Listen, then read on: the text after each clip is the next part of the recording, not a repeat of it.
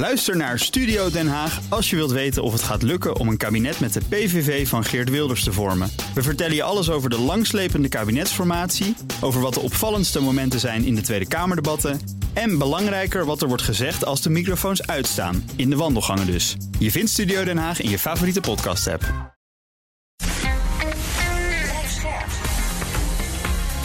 BNR Nieuwsradio. De AEX-factor. Wesley Weert, Jelle Maasbach. Welkom bij de AX Factor, de podcast voor de slimme beleggen. Elke week een nieuwe gast die je bijpraat over de beurzen, beleggen en vermogen opbouwen. En deze aflevering gaan we het hebben over beursschandalen. Of je nu pas aan het beleggen bent of dat al jaren doet, je bent ze waarschijnlijk tegengekomen of je bent er mogelijk door gedupeerd. Zoals bijvoorbeeld als je naar de mooie woorden van de voorzitter van Fortis had geluisterd. Wij hebben de mooiste parel binnengehaald. We nemen de matras erbij. Ik zou zeggen, dames en heren, investeer zo snel dat u het kunt. Het is einde oefening voor Imtech. Het installatiebedrijf heeft maandenlang geprobeerd een oplossing te vinden voor de grote financiële problemen, maar dat is niet gelukt.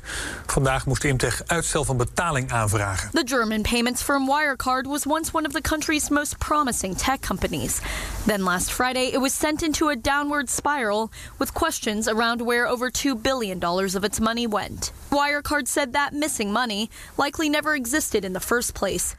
Het schandaal rond Volkswagen wordt groter en groter. Dit weekend werd bekend dat de autofabrikant in Amerika heeft gesjoemeld met zijn motoren. Volkswagen geeft toe dat het speciale sjoemelsysteem in maar liefst 11 miljoen auto's is ingebouwd. Voor boetes en claims zet het concern alvast 6,5 miljard euro opzij. Welke schade kunnen beursleugens aanrichten en hoe prik je als belegger door deze mooie praatjes heen? Dat leggen we voor aan Errol Keiner van de Vereniging van Effectenbezitters. Die vereniging eh, die vaak ook namens beleggers rechtszaken voert, bijvoorbeeld tegen Volkswagen. Errol, welkom. Dankjewel. Om te beginnen, wat, wat is het grootste beursschandaal dat jij hier in eh, Nederland van dichtbij hebt meegemaakt? Uh, er zijn diverse en uh, de ene is wat extremer dan de andere. Het meest extreme is InnoConcepts, maar ik ga toch een andere noemen dat meer bekend is bij de, bij de meeste luisteraars. Dat is toch Imtech. Ja, en waarom is dat het voorbeeld dat jou zo bijgebleven is? Omdat bij Imtech heel veel zaken spelen die bij andere beursschandalen ook naar voren komen.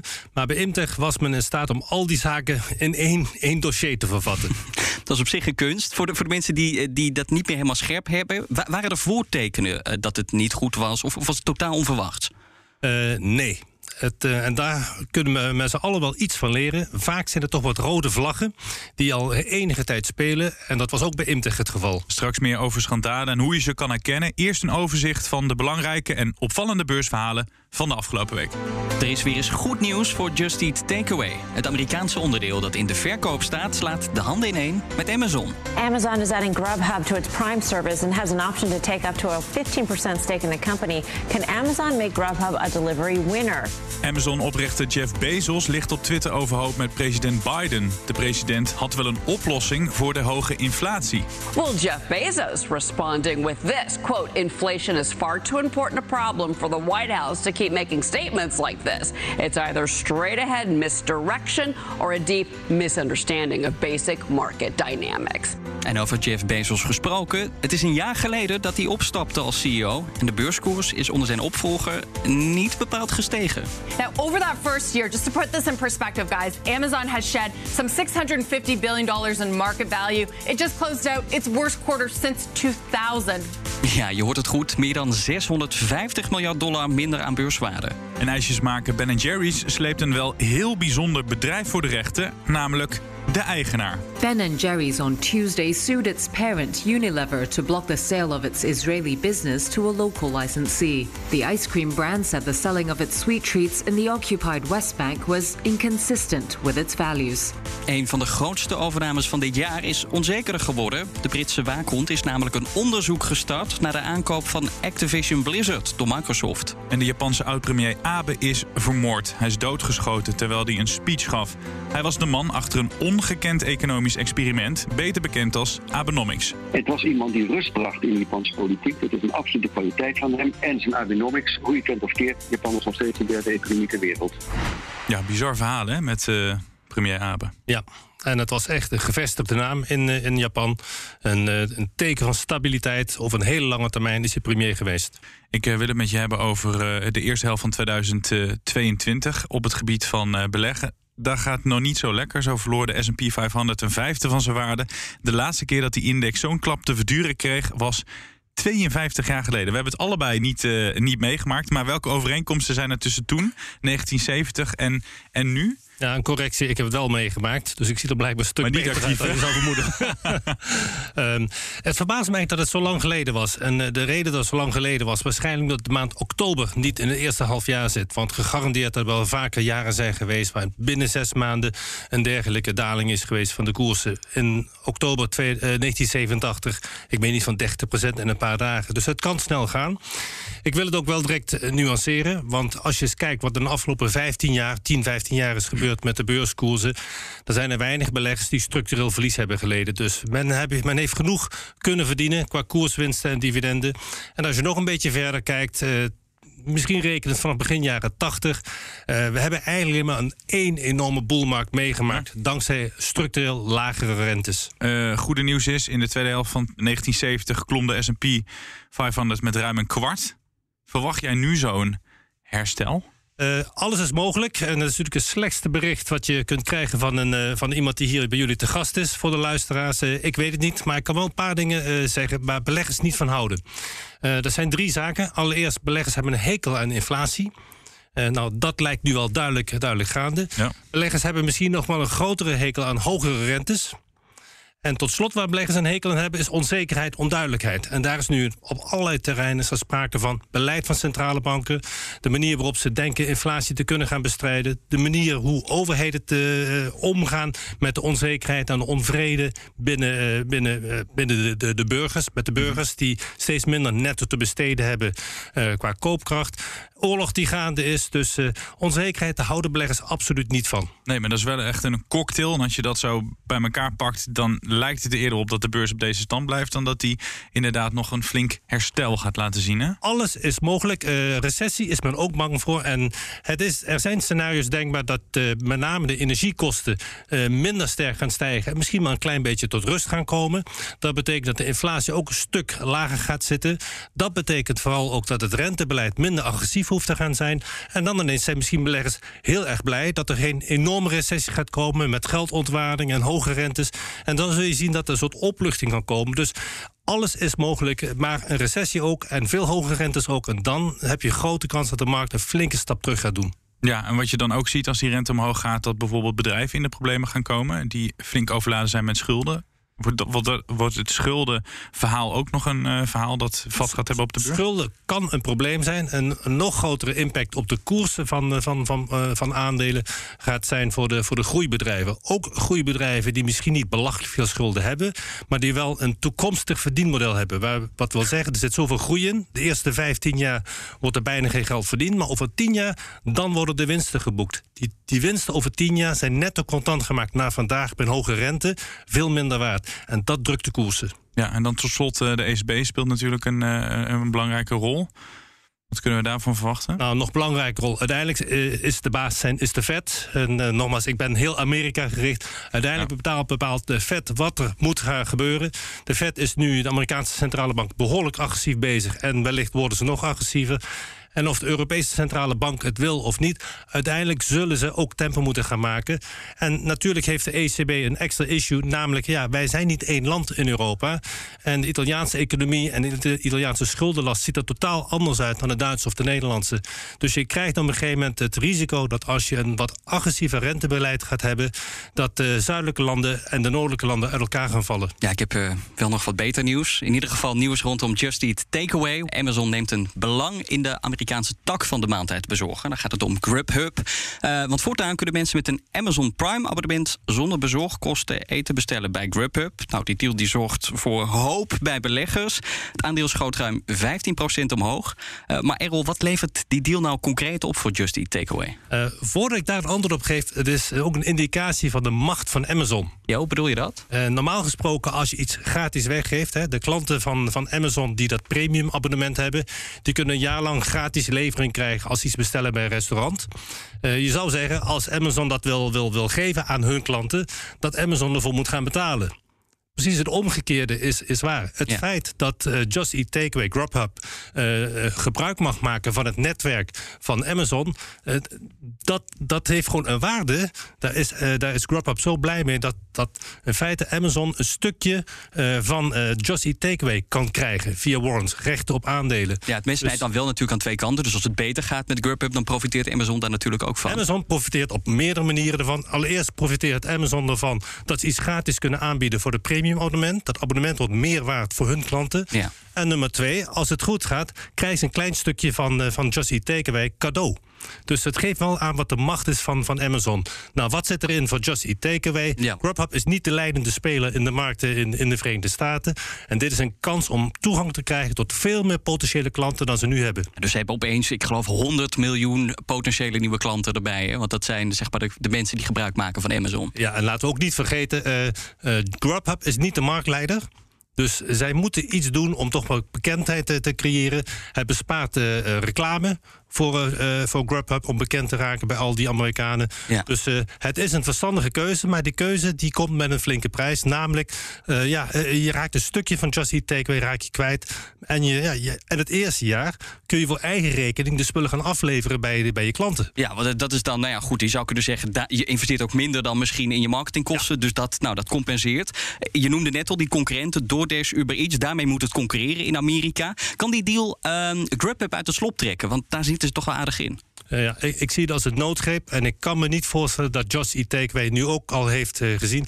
Ja, als we ooit iemand vinden die de hele Grubhub wil gaan overnemen, heel graag. En misschien voor een enorme korting ten opzichte van wat eh, Just Eat Takeaway iets een jaar geleden of zo ervoor heeft betaald. Zo'n 7 miljard ongeveer. Ja. Nou, als iemand daar 1,5 miljard nu voor biedt, zou ik zeggen pakken. Gebruik dat geld om je eigen aandelen terug te kopen. En dan kom je nog enigszins ongeschonden uit de strijd. En helpt het dan als eh, een partij als Amazon ook aan boord zit? Stuurt dat de prijs omhoog? Eh, nou ja, je ziet dat nu de prijs al omhoog gaat. Dus dat, dat helpt in ieder geval wel. Ja, dat is natuurlijk relatief, want hij is dus nog veel harder. eh, Ja, nee, dus gedaan. ik denk iets van 80, 85 procent van de koers eh, afgegaan in een recordtijd.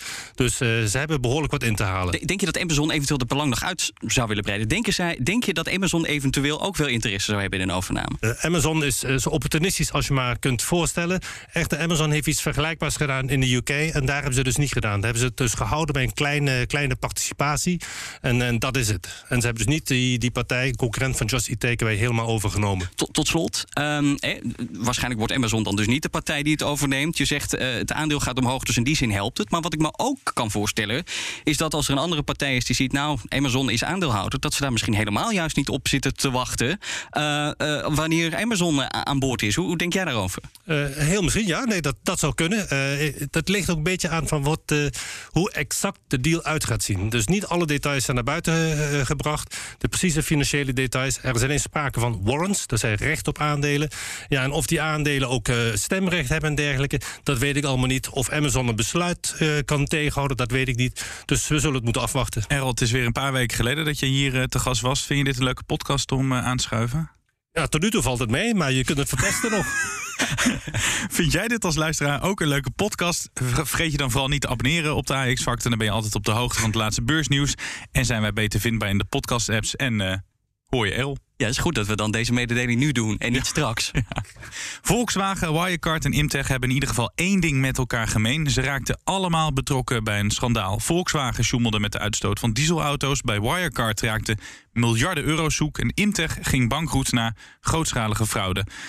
Ja, welke andere beursschandalen moet ik wat jou betreft toevoegen aan dit rijtje, Errol? Ja, ik, ik zou InnoConcepts willen noemen. Dat is niet zo heel erg bekend in Nederland. Dat komt nog een beetje de nasleep van, van de internetbubbel. Zelfs nog ietsjes later zelfs. Ja, voor de mensen die het niet kennen, dat is bijvoorbeeld het bedrijf achter die Livehammer. Dat is dus dat hamertje dat je in gevallen van nood kan gebruiken om een eh, autoruit stuk te slaan. En eh, vaak heb je, is er sprake van slechte interne controlemechanismes, eh, wanbeleid. ze, maken een potje van slapende bestuurders, slapende toezichthouders, een slechte controlerende accountant.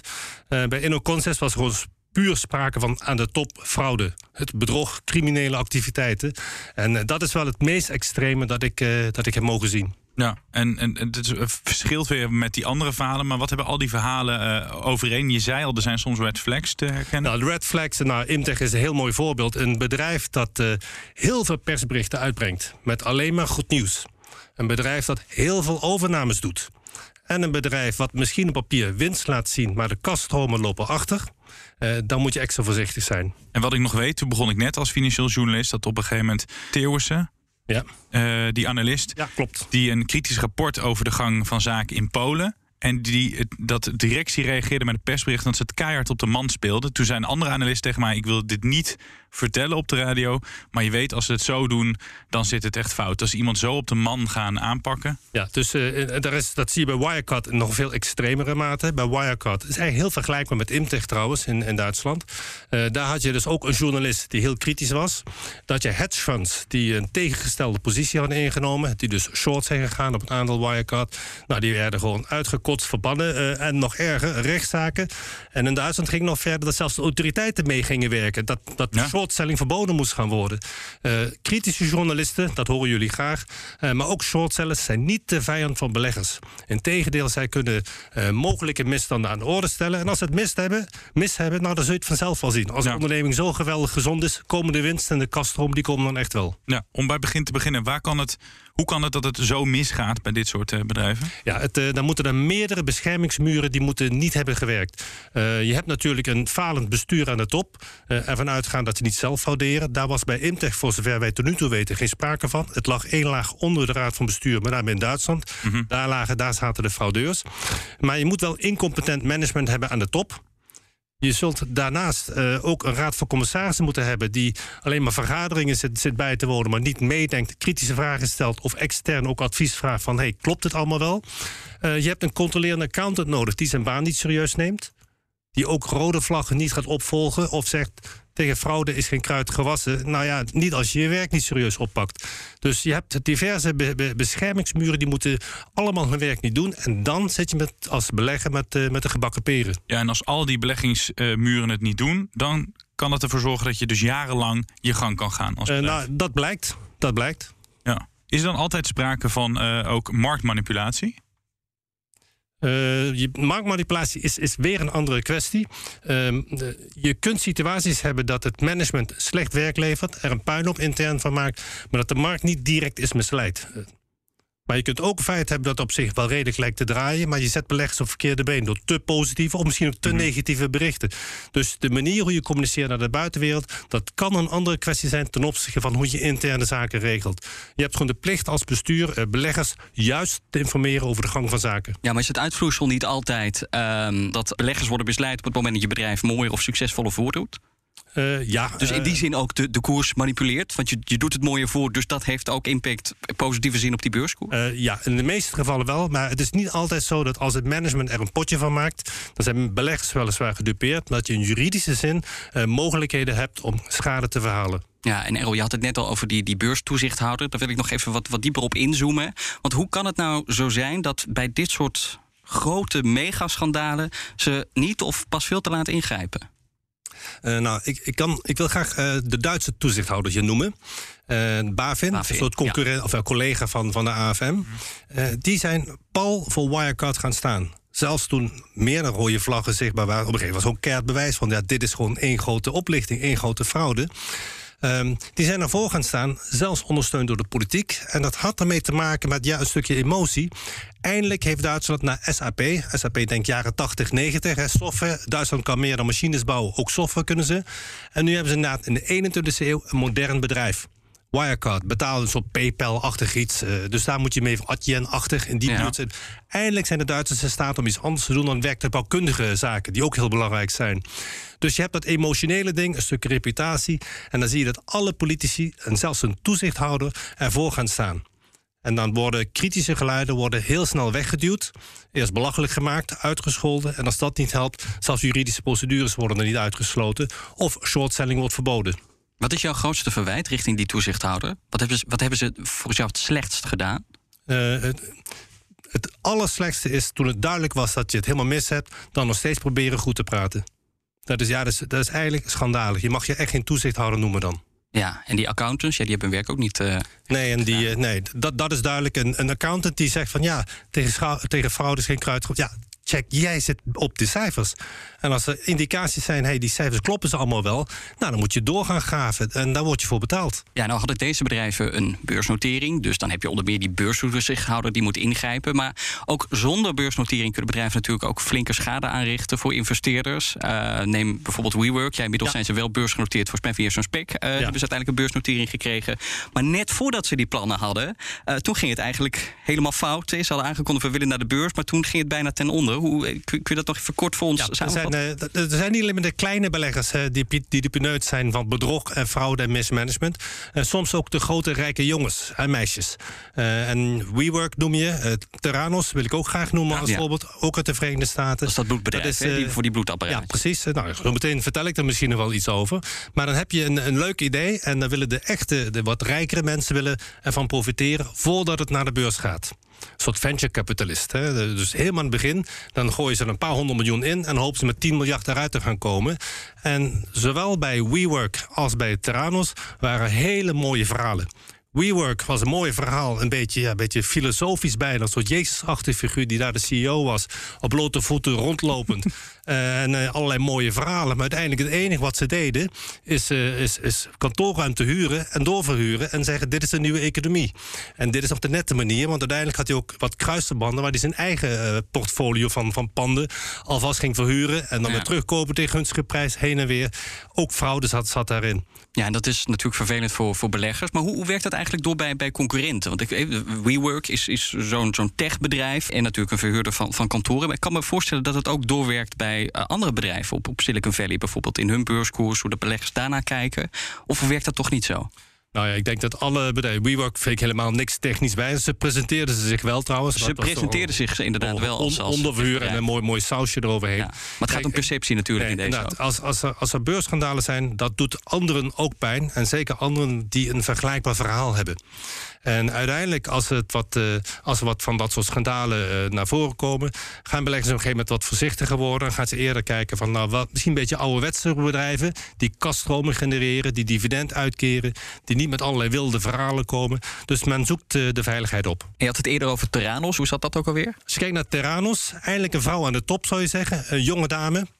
Elizabeth Holmes, uh, die zou in staat zijn geweest met haar onderneming om met één bloedprik allerlei ziektes binnen recordtijd te kunnen detecteren.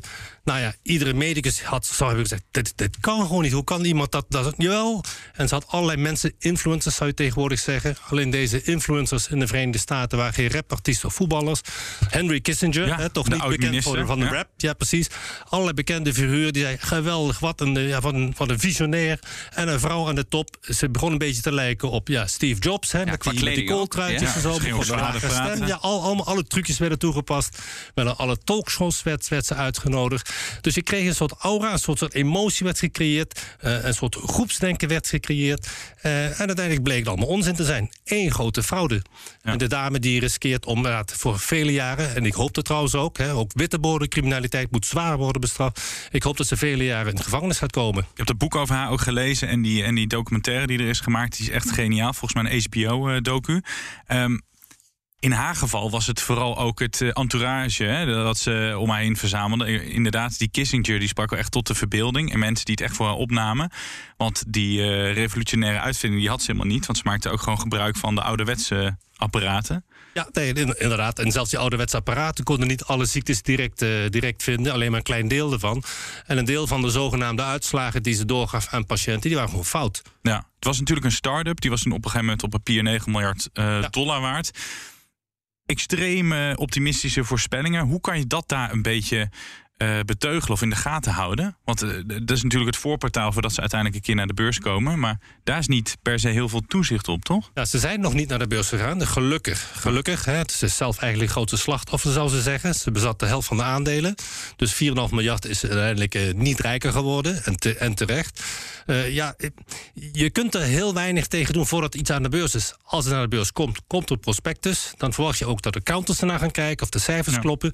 Maar als je alleen maar een idee hebt en is zo niks verkocht, bij wijze van spreken, dan is het natuurlijk verdraaid lastig om iets te controleren of een idee klopt. En dan moet je vertrouwen op de experts, in dit geval medische experts, hè, die iets kunnen weten van hoe je wat je kunt doen met één druppel bloed.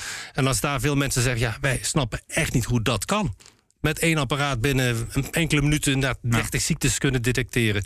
Ja, dan zou ik inderdaad voorzichtig zijn voordat ik mijn geld erin steek. Dat is natuurlijk een beetje gezond verstand. Maar we weten ook eh, dat jij en je collega's echt eh, op de jaarvergaderingen even goed eh, de boel in de gaten houden. Maar ik kan me ook voorstellen dat het voor beleggers vaak ook niet eh, echt duidelijk is met schandalen. Ik noem het boekhoudschandaal bij Ahold in 2003.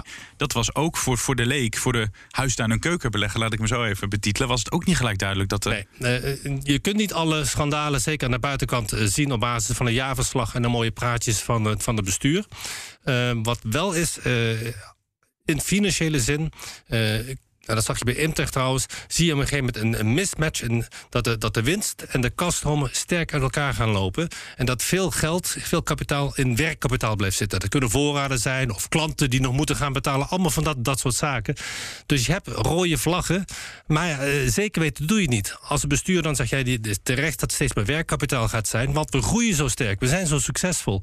Ja, dan hoop je dat zo'n controlerende accountant zijn werk doet. Die ook die rode vlaggen ziet. En die kan zien, hé, hey, verdraaid. Hier wordt het ene, het worden de centjes worden doorgeschoven. Van het ene potje naar het andere. Of van de ene dochter weer terug naar de, naar de, naar de holding. En dan weer naar een andere dochtermaatschappij. Het zijn allerlei trucjes hoe je de boel kunt, kunt belazeren. Daar heb je echt insider information voor nodig. En die insider information, die toegang, dat heeft wel een controlerende accountant. En dat heb je als belegger natuurlijk niet. Nee, want ik vraag me af, wat valt eh, de belegger zelf nog aan te rekenen? Maar je wil niet dat je de hele boeken nog zelf door moet gaan. Dat je een jaarverslag helemaal uit moet gaan zitten beluisteren. Toch? Wat, is, wat, wat kan de belegger zelf doen? Eh, nou, waar je in ieder geval de, de andere waarschuwingssignalen, als je zegt de jaarrekening, eh, die kun je niet helemaal doorgronden. Of misschien klopt de jaarrekening niet eens en kun je dat niet eens zien, want die cijfers kloppen niet. Eh, wel op je hoede zijn als er alleen maar mooie verhalen in zijn. Als kritische geluiden worden eh, uitgescholden of weggeduwd. Er zijn wel wat waarschuwingssignalen hier en daar. Als een onderneming veel kleinere bedrijven blijft overnemen, je kunt er gif op innemen dat de kans op een grote, grote mislukking eh, sterk toeneemt. En als de verhalen te mooi zijn om waar zijn, hoe kan het dat beleggers dan toch vallen voor die, voor die prijs? Ja, eh, mensen zijn eh, ja, de hebzucht. Ik kan het niet anders Nee. zeggen. Blinde hebzucht. Ja. En daar zijn wij allemaal gevoelig voor, denk ik. Ja, en dat beleggen zich soms te makkelijk. Eh, ja, en, eh, nou, we, zien het, we hebben het gezien bij de internetbubbel, eind jaren 90. We zien het nu momenteel gebeuren. En ook dat is een paar jaar al voorspeld door, door iedereen met gezond verstand. De crypto, Ja, eh, crypto zeker. mani. Eh, we hebben het gezien met Robinhood, eh die, die, die broker, de gratis broker de Verenigde Staten. Waar allerlei waardeloos bedrijven ineens worden tot miljardenbedrijven worden opgepompt. Ja, het, het groepsdenken zit in de mens. En ieder geluid dat anders is, dat wordt eh, uitgescholden, wordt weggeduwd.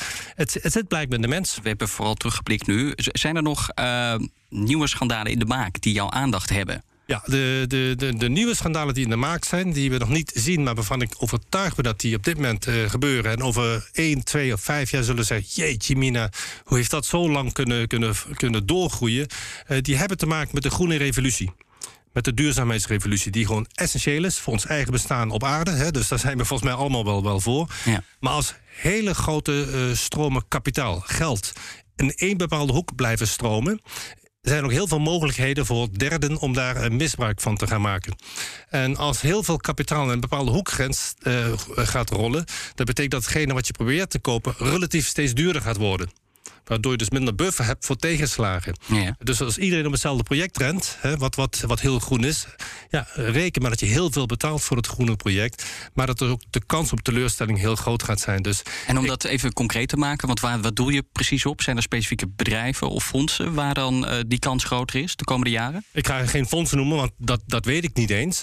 Maar eh, ik, ik kan wel een indicatie geven van hoe moeilijk het is om in die groene revolutie geld te verdienen.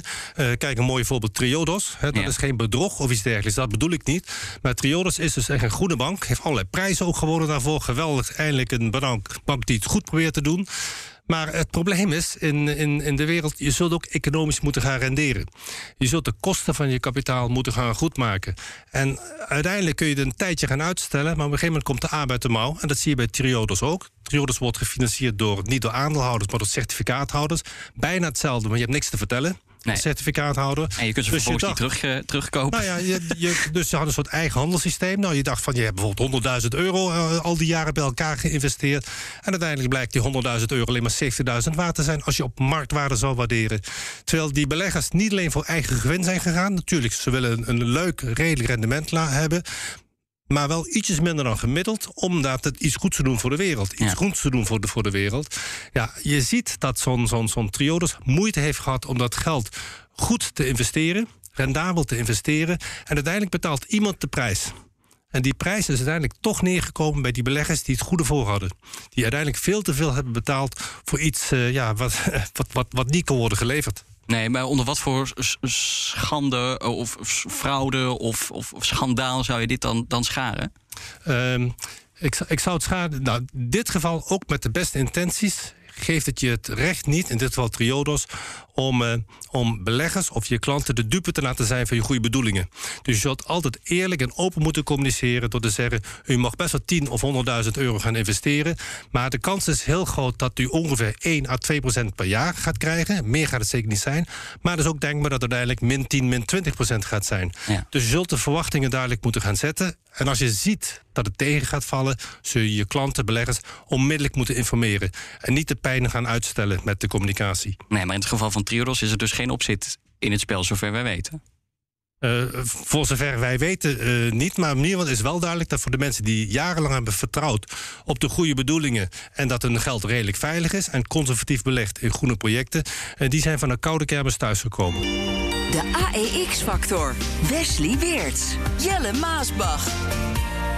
Iets anders wat wel vaak met opzet gebeurt is greenwashing. Is dat ook iets waar jij voor de komende jaren in ieder geval fraude verwacht? gaat de, v, de VEB gaat daar zeker, uh, wij, wij, verwachten dat daar veel problemen gaan, gaan komen. Want waarom? Iedereen, uh, grote beleggers, kleine beleggers, de hele wereld, de politiek, de maatschappij wil vergroenen. Dat wil nogmaals zeggen dat er veel geld heen gaat zijn. Maar dat ook projecten die misschien helemaal niet zo groen zijn, zich presenteren als groen. En dan zit je uiteindelijk iets te, te financieren. Of als aandeelhouder of als, als, als, als, als hè, als financier, überhaupt, als, obligatiehouder bijvoorbeeld. Zit je te financieren wat helemaal niet groen is. En dan word je op verkeerde been gezet. Uh, en wellicht was je aanvankelijk akkoord gegaan met wat lager rendement. Hè, je doet het groeien. En uiteindelijk blijkt dat je gewoon iets hebt zitten financieren wat uh, ja, helemaal niet zo groen was. Dus wij verwachten daar zeker wat schandalen. En die zijn stap voor stap beginnen ze ook al duidelijk te worden bij bepaalde beleggingsfondsen. Waar wordt gepredikt, wij zijn groen en, groen en dergelijke. En dat blijkt je maar niet zo te zijn. Vanguard bijvoorbeeld, toch? Nou, Vanguard heeft heel veel dingen, maar DWS in Duitsland, dat was een hele grote. En uh, daar is ook de bestuursvoorzitter onlangs teruggetreden. Gewoon ja, je hebt gewoon je, je, het publiek misleid. Ja, en dat is uh, dus uh, indirect, verwacht je ook direct bij bepaalde namen dat je. Ik, ik, ik roep maar wat een Unilever die zegt: wij zijn duurzaam en ze blijken het niet te zijn. Het is maar een voorbeeld, want ze doen het niet. Maar uh, nou, Unilever heeft na het verleden wel gezegd dat zij beter zijn dan de rest en het goede voor hebben. Dan, zeg ik, dan moet je geen Magnum-ijsjes verkopen en knorsoepen en dergelijke. ja, dat is, dat is zeker zo slecht voor de, voor de mensheid. Maar uh, ja, ik, ik kan nu nog geen namen noemen waar ik wel van overtuigd ben, omdat iedereen nu dezelfde kant op rent. Daar gaan de schandalen zijn en de maak. Als er geld te verdienen valt, en in dit geval komen er echt honderden miljarden gaan in bepaalde richtingen stromen. Er zijn allerlei partijen die nu zitten te azen. Hoe kunnen wij daar beter van gaan worden en niet de aarde? Ja, Wesley zei al aan het begin van de uitzending: de VEB die uh, voert uh, rechtszaken. Dan moeten jullie achter die, uh, ja, die boeven aan, wou ik zeggen, maar achter de problemen aan. doen jullie ook wat aan preventie? Dus kunnen jullie wat voorkomen? Uh, of wij kunnen voorkomen, wij kunnen in ieder geval uh, kritisch kijken naar datgene wat, wat wij zien bij beursvennootschappen. Uh, we kijken ook steeds meer in de jaarverslagen rapporteren beursvennootschappen ook wat ze doen op het gebied van milieu. en daar gaan we proberen ook tijdens aandeelhoudersvergaderingen vragen over te stellen. Ja, en afhankelijk van die beantwoording kunnen we dingen doen of niet. Uh, op dit moment is vooral onze focus: de onderneming moet duidelijk zijn wat ze doet en wat ze niet doet. En als ze zegt wij willen gaan vergroenen en dit is de methode hoe we het gaan doen, dan proberen wij de, zeker te stellen dat de ondernemer dat ook gaat doen. Als later blijkt dat een onderneming heel andere uh, zaken heeft gedaan die tegengesteld zijn aan hetgeen ze extern hebben gecommuniceerd, ja, dan kan zo'n onderneming wel problemen verwachten. En of dat problemen zijn op juridisch vlak of dat alleen maar naming en shaming is, uh, ja, dat weet ik niet. Kunnen we enorme schandalen, zoals bij Imtech of veel eerder begin deze eeuw bij Ahold, kunnen we die echt voorkomen of gaan we dit soort uh, zaken nogmaals meemaken? Uh, ik vrees de laatste. Ik vrees de laatste. En uh, we hebben zelf als VB natuurlijk ook in de jaren 90 meegemaakt uh, de beursschandalen naar aanleiding van de van internetbubbel. Toen dachten wij ook van, nou, men heeft zijn lesje wel geleerd. Ja, toen kwam het Ahold-schandaal. Zei, nou, nou weet het echt wel. Toen kwam Imtech. Dat leek van gewoon, was zelfs nog veel erger hè, inhoudelijk. Nou, zijn, nu zijn we, het, het gaat gewoon door. Dus we zijn wat dat gaat wat, uh, ja, wat realistischer geworden. Heel veel beursschandalen zijn aan bod gekomen. Um, Maar welke lessen kunnen we hier nou uittrekken? Samenvattend, je hebt er misschien al een aantal genoemd. Uh, wees voorzichtig met mooie verhalen.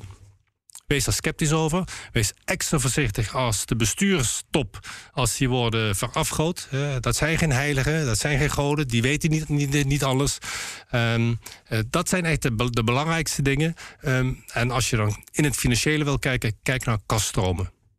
Dankjewel. Errol Keijner van de Vereniging van Effectenbezitters. En als ik daar nog wat aan toe mag voegen, wat je ook uh, kan doen, is uh, iedere uitzendingen terugluisteren met Errol. Of uh, hè, we hebben nog heel veel leuke dingen die we ja, terugluisteren. Ja, en dat scheelt je misschien ook wat huiswerk als je ja. alles moet doornemen. Maar inderdaad, je kunt onze vorige afleveringen ook terugkijken. Zoek ons op in je favoriete podcast-app en vergeet je niet te abonneren.